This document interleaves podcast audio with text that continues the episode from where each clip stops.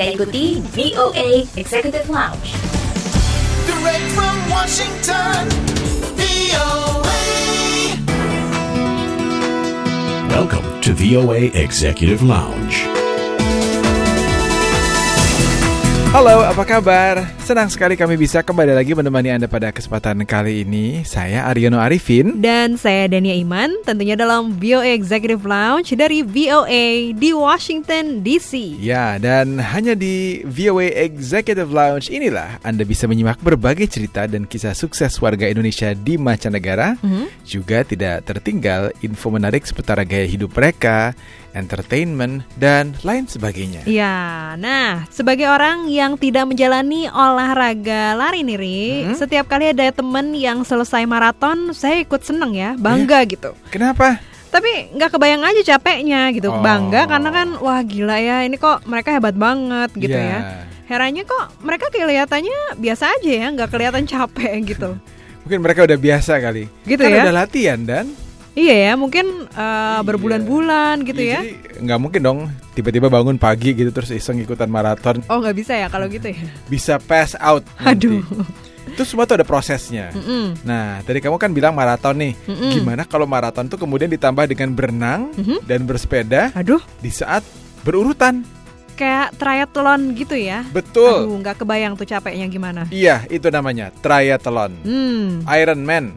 Nah, ini ada cerita orang Indonesia dan perempuan yang tidak mau disebut atlet Mhm. karena menurut dia triathlon yang dilakukan itu adalah sebuah hobi. Oh gitu. Mm-mm, tapi dari hobi ini kemudian dia berhasil menang di sebuah ajang triathlon bergengsi. Iron Man namanya. Oh, oke. Waduh, itu kayak Malahan film superhero aja ya. Ha-ha, ha-ha. masuk kualifikasi gitu ya dia ya Iya. juga untuk ikut di ajang tingkat dunia ya. Aduh ini bergengsi banget loh. Mm-mm. Yaudah, kalau pengen simak ceritanya nanti jangan ke mana-mana ya. Simak terus VOA Executive Lounge. Direct from Washington, the voice of America, VOA.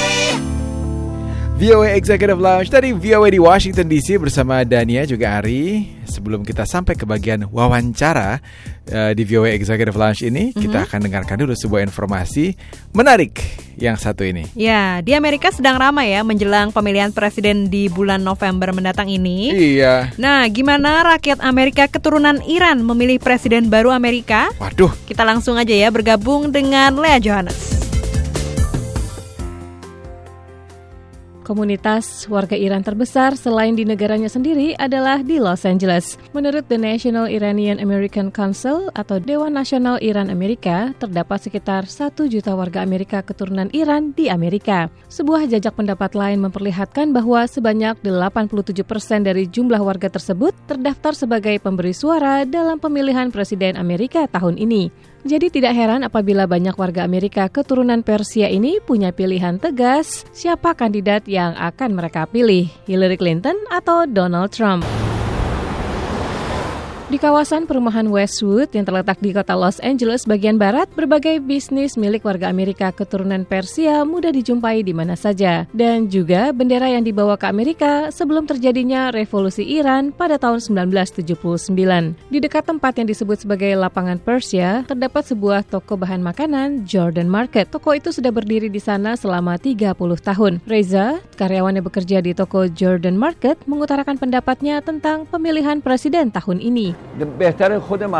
Saya kira kedua capres ini sebaiknya menunjukkan penghargaan yang tinggi kepada warga Iran. Mereka tahu di mana kepentingan mereka berbeda.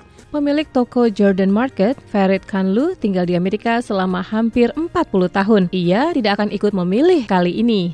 Trump, we cannot trust his word.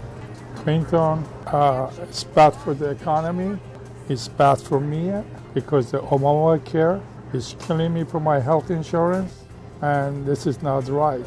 I'm paying almost thirty thousand dollar health insurance. Because of the Obamacare. Di seberang jalan juga ada toko Tachel Market. Tad Kodadi, warga Amerika keturunan Iran, adalah pemilik toko tersebut. Ia mengatakan, Because I'm Republican, I'm supporting the Donald Trump. A major reason uh, I'm uh, supporting him because of the economic wise. It's, um, I believe if he became a president, we can have the better economy choices for the all of us in uh, United States. lain halnya dengan Zohre Forohi, ia akan berubah haluan dalam memberi dukungan kepada partai politik tahun ini. Dalam Pilpres 4 tahun lalu, ia memilih capres dari Partai Republikan. I think I vote to Hillary. I did uh, last time uh, for the Republican, but I uh, changed my uh, parties. Terkait kebijakan luar negeri, Bijan Khalili, penerbit surat kabar Iran mingguan, mengatakan, It's exactly like uh, general public uh, in the United States uh, that uh, splitted, you know, and divided into uh,